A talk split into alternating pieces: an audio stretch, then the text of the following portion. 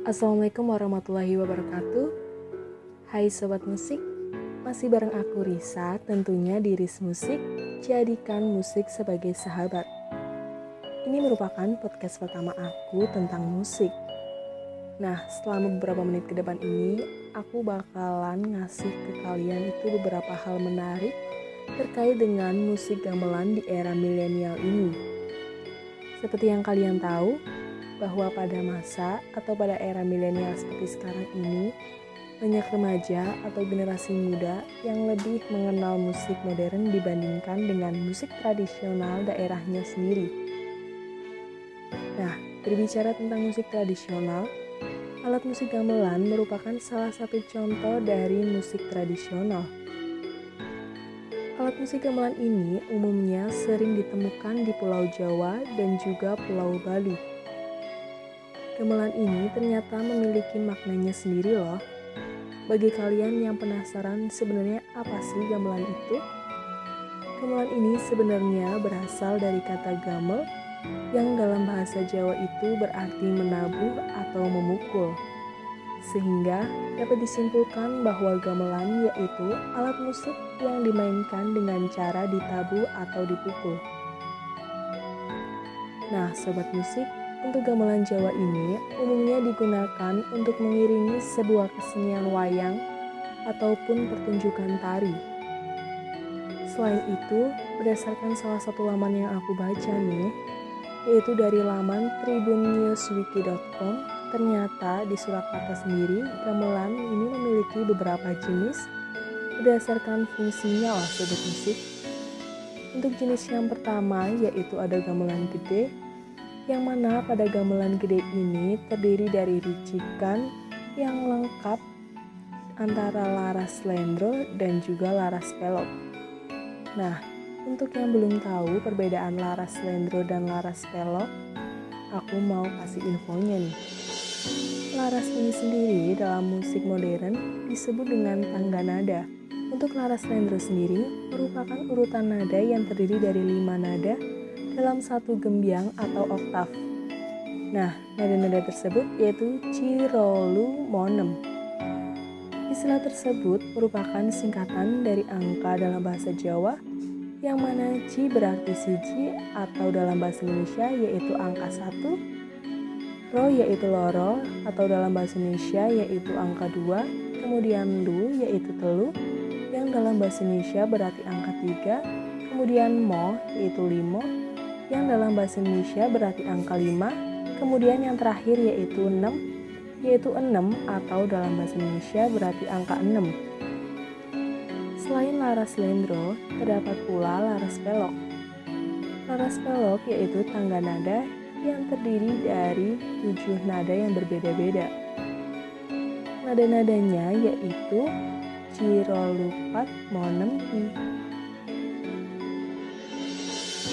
setelah mengetahui apa itu laras pelok dan laras lendro, aku bakalan lanjutin lagi nih tentang jenis gamelan lainnya. Selanjutnya yaitu ada gamelan wayangan. Dilihat dari namanya, gamelan ini biasanya digunakan untuk mengiringi pertunjukan wayang.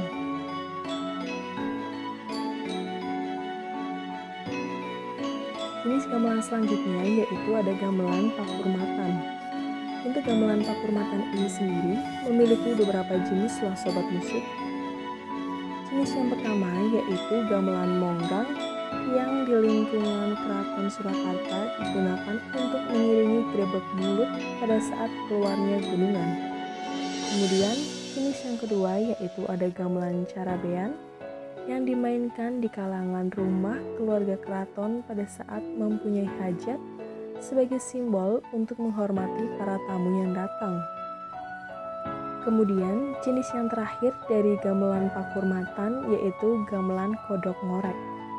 Di daerah Keraton Surakarta, biasanya gamelan ini dimainkan pada saat raja menghitan putranya. Selain itu, gamelan ini juga digunakan untuk mengiringi acara pernikahan. Kemudian, jenis gamelan selanjutnya yaitu ada gamelan sekaten. Gamelan ini biasanya dimainkan hanya satu tahun sekali di Keraton Yogyakarta dan Surakarta. yaitu pada saat memperingati hari lahirnya Nabi Muhammad Shallallahu Alaihi Wasallam. Nah, sobat musik, jenis gamelan yang selanjutnya yaitu ada gamelan gadon. Jenis gamelan yang satu ini hanya terdiri dari kendang, siter, gender, selentem, gambang, dan gong aja loh. Nah, gamelan ini biasanya digunakan untuk keperluan hajat sederhana seperti hitanan, pindah rumah, ulang tahun, dan lainnya. Jenis gamelan selanjutnya yaitu gamelan cokekan. Nah, gamelan cokekan ini terdiri dari kendang, siter, dan gong bumbung atau gong yang terbuat dari kayu.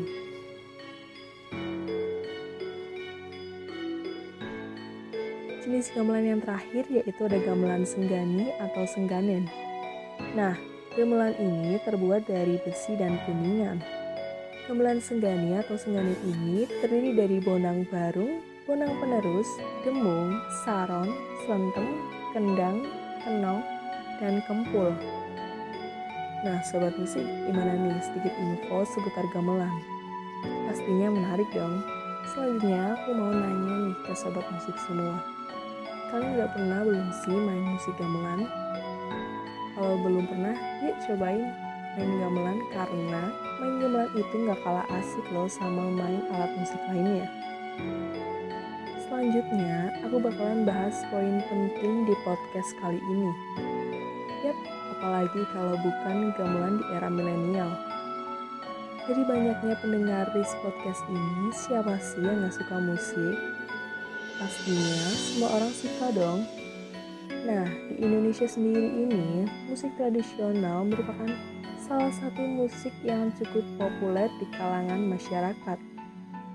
Musik tradisional sendiri seperti gamelan memiliki ciri khasnya masing-masing. Nah, dengan ciri khasnya ini menimbulkan keunikan sendiri dari musik tradisional itu sendiri. Tetapi Kenapa sih pada era milenial seperti ini masih banyak remaja yang tidak menyukai musik tradisional? Padahal musik tradisional seperti gamelan tidak kalah bagusnya dengan musik modern loh. Nah, dengan masih rendahnya minat generasi muda terhadap musik tradisional, salah satunya yaitu gamelan, terdapat beberapa upaya untuk meningkatkan minat generasi muda terhadap musik gamelan di era milenial ini. Salah satunya yaitu dengan mengenalkan musik gamelan di kalangan generasi muda khususnya. Pasti bakalan banyak yang tanya kan, kayak mengenalkan tuh gimana? Nah, maksud dari mengenalkan di sini itu, kita sebagai generasi muda memiliki kesadaran untuk melestarikan musik gamelan dengan mencari berbagai pengetahuan terkait dengan musik gamelan sejak dini tentunya. Hal ini bisa dilakukan melalui media sosial, karena pada era milenial seperti sekarang ini, generasi muda lebih dekat dengan media sosial. Mereka sibuk mencari berbagai hal melalui media sosial. Generasi muda sekarang ini lebih sering berinteraksi melalui media sosial. Oleh karena itu, perlu adanya edukasi terkait dengan musik tradisional, salah satunya yaitu gamelan melalui media sosial. Nah, hal ini dapat dimanfaatkan dengan memasukkan musik gamelan atau info seputar musik gamelan ke dalam media sosial agar dapat lebih menarik minat generasi muda terkait dengan musik gamelan itu sendiri. Menurut laman yang aku baca nih, yaitu dari laman muda.kompas.id, secara eksternal ternyata pemerintah mewadahi budaya musik gamelan di tingkat nasional, bahkan di tingkat global loh sobat musik.